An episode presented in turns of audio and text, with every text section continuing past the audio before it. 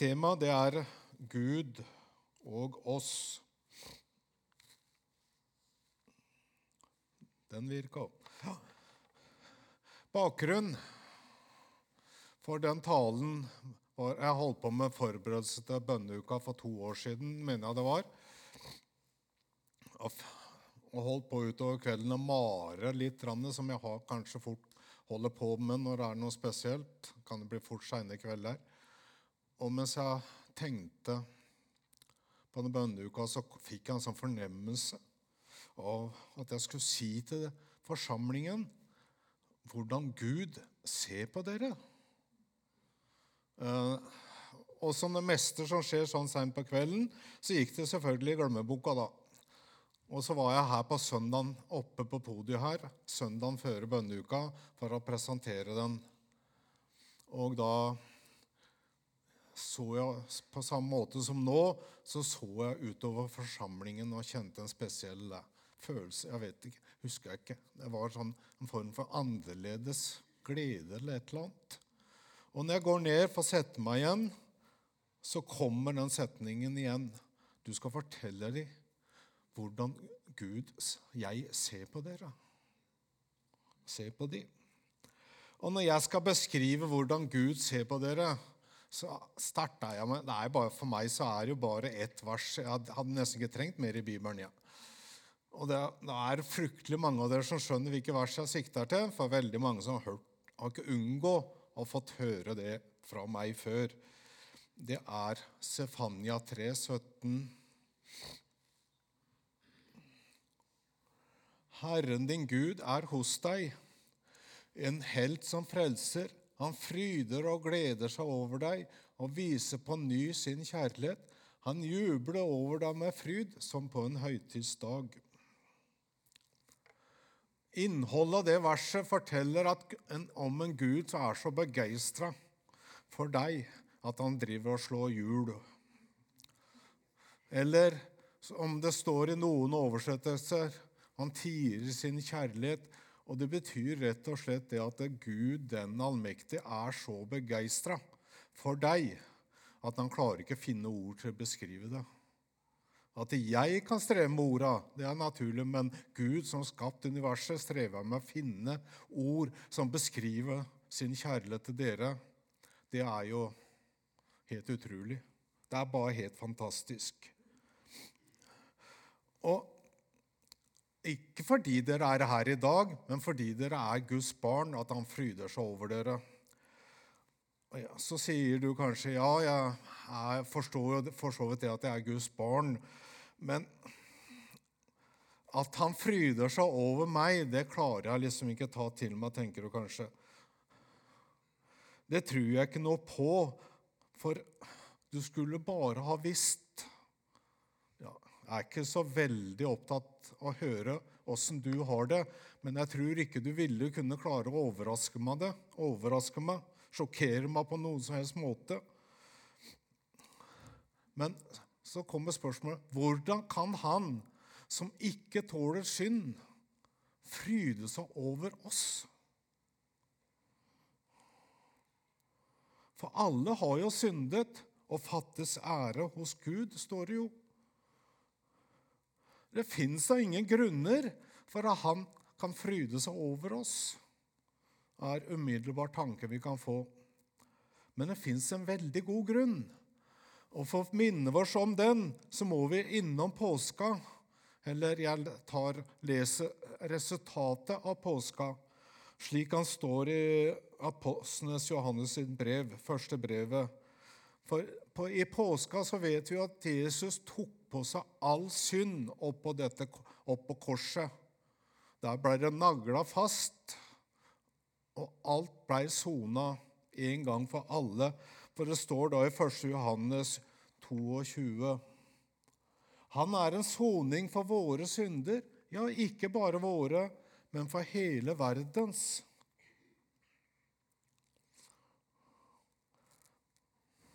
Siden Jesus sona all synd, hvor mye usonet synd har du da? Jeg tar den en gang til. Siden Jesus sona all synd, Hvor mye synd har usonet synd har du da? Altså, jeg mener at det er rett og slett ingenting.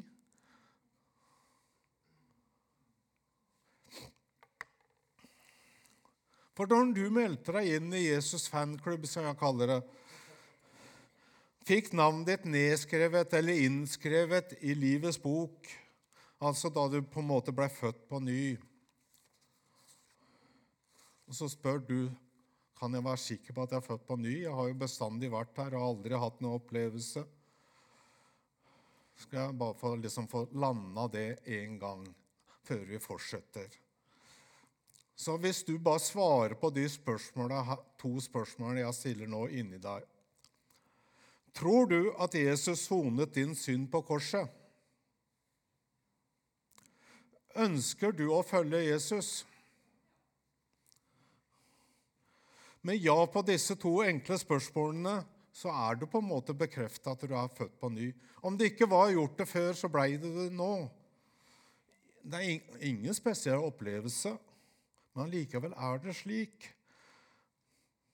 Så om du ikke var født på ny, så blei det altså det nå. Og da skal du notere dette tidspunktet 16.01.2022 klokka 11.40 på PMK, så blei du født på ny. Noter deg det. For når Satan kommer og spør er du født på ny, er du som lever sånn som det der, så kan du referere til det tidspunktet. For da svarte du ja på de vesentlige spørsmåla. Og hvis du ikke svarte ja på disse her, så kan vi godt ta en prat etterpå. Da er jeg, da er jeg interessert i å prate med deg.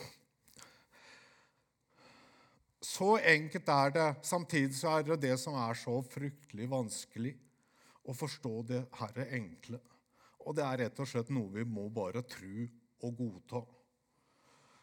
Og når du blei tok imot Jesus, så ble det oppretta en direktelinje fra Gud til deg, til den nyfødte deg her inne en plass. en direkte forbindelse fra Gud til deg på grunn av Jesus' verk via Golgata. Og Den linja den har et Golgata-filter. og Det betyr at Gud ser ikke våre synder, for de er jo blitt sona. Når han ser gjennom det filteret, så ser han bare en hellig Tore, en hellig Tom osv. Og den linja den er, er ikke mulig å bryte i for andre. Og da kan, fryde, da kan han fryde seg over oss. Ikke bare kan, han gjør det. Og vårt forhold til, hans forhold til oss er stabilt, for Gud er uforanderlig. Og våre svakheter kan ikke få brutt den forbindelsen. For det står i Romerne 8 37-39. Men alt dette vinner vi mer enn seier ved Han som elsker oss.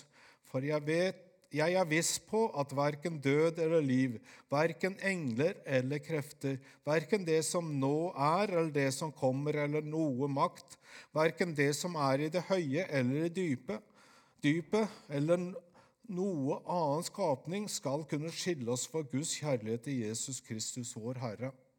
Det er ikke mulig rett og slett den, at andre skal bryte den forbindelsen. Og så er, det fort gjort da, at menneskelig å tenke ja, men da kan vi jo synde en masse. For det, synden betyr ikke noe for frelsen. Nei, men vi må allikevel holde et øye med synden. Vi trenger egentlig den daglige fornyelsen det ble prata om tidligere. Ikke for Guds del, men for vår del. Men Tore, du sa jo nettopp at synden ikke betydde noe for frelsen. Den betyr ikke noe for Guds forhold til deg, men det, den betyr noe for ditt forhold til Gud. Ser dere forskjell på veien her? Forbindelsen. Altså den forbindelsen ifra det herre gamle kjødet gamle eh, Adam, som de brukte før. Altså kroppen vår. tankene våre osv.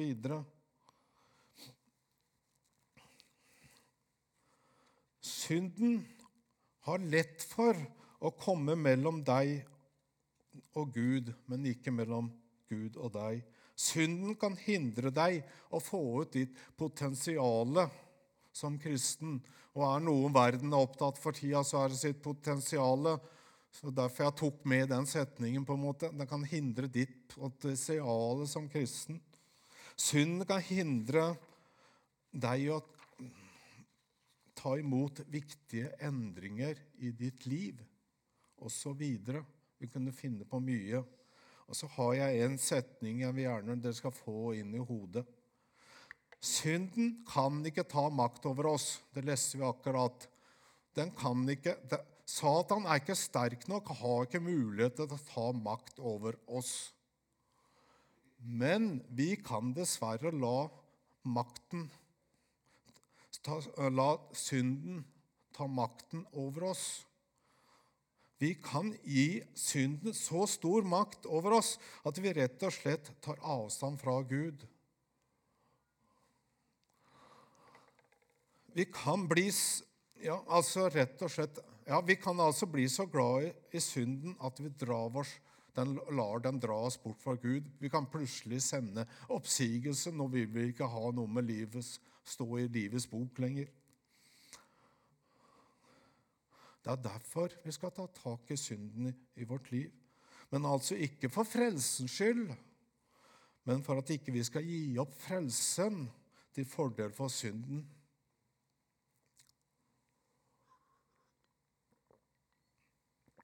Og hvis vi blir, Så er det det her med to grøfter. da. Hvis vi blir for opptatt av våre nederlag og synd, så er det fort gjort å havne i en grøft. Den ene grøfta.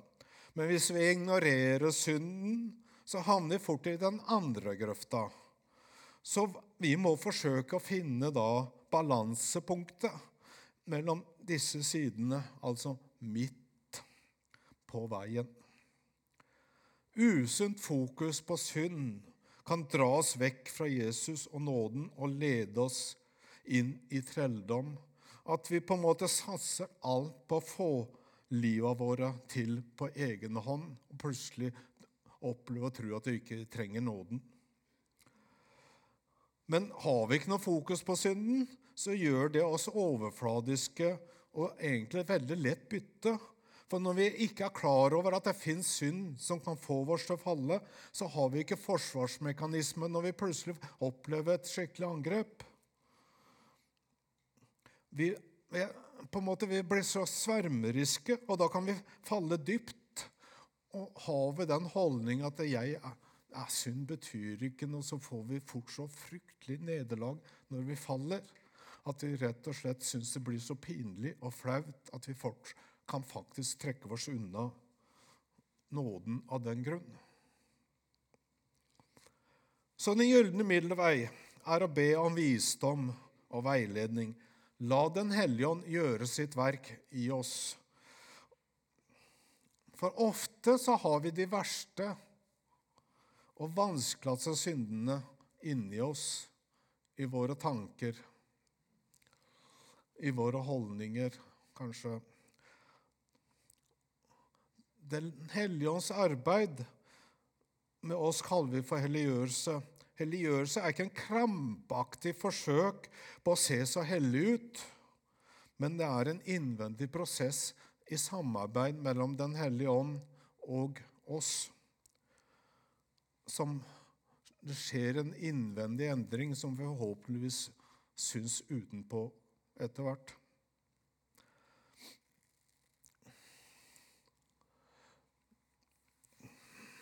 I første Korinterbrev 30 verset har vi ikke kommet med, men dere er Hans verk i Kristus Jesus. Han har blitt vår visdom fra Gud, vår rettferdighet, helliggjørelse og forløsning.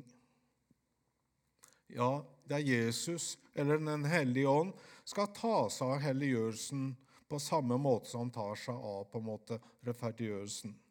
Derfor bør vi ha mer fokus på å komme nærmere Kilden og la Den hellige ånd jobbe med oss, og ikke la oss steppe om vi ikke får det til slik vi vil.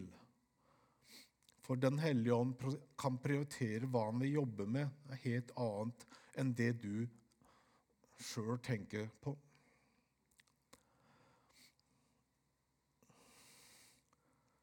Ja, din posisjon Nå skal vi lande, så Din posisjon er at Gud Du er Guds barn, derfor fryder han seg over deg.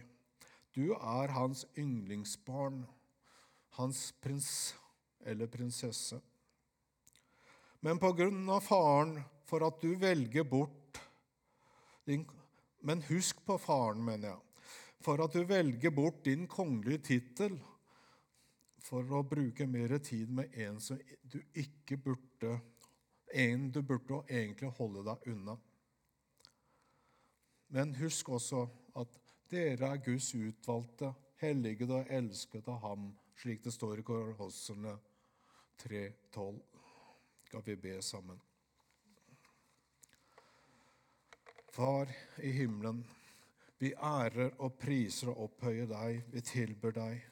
Jeg ber for hver enkelt at dette nådebudskapet, som var, skulle være enkelt og framstilt og enkelt å ta imot, at de tar det imot og husker på det, og, vite, og ikke minst, Herre, når de går herfra, og kjenner virkelig i seg for at du fryder over dem. I Jesu navn. Amen.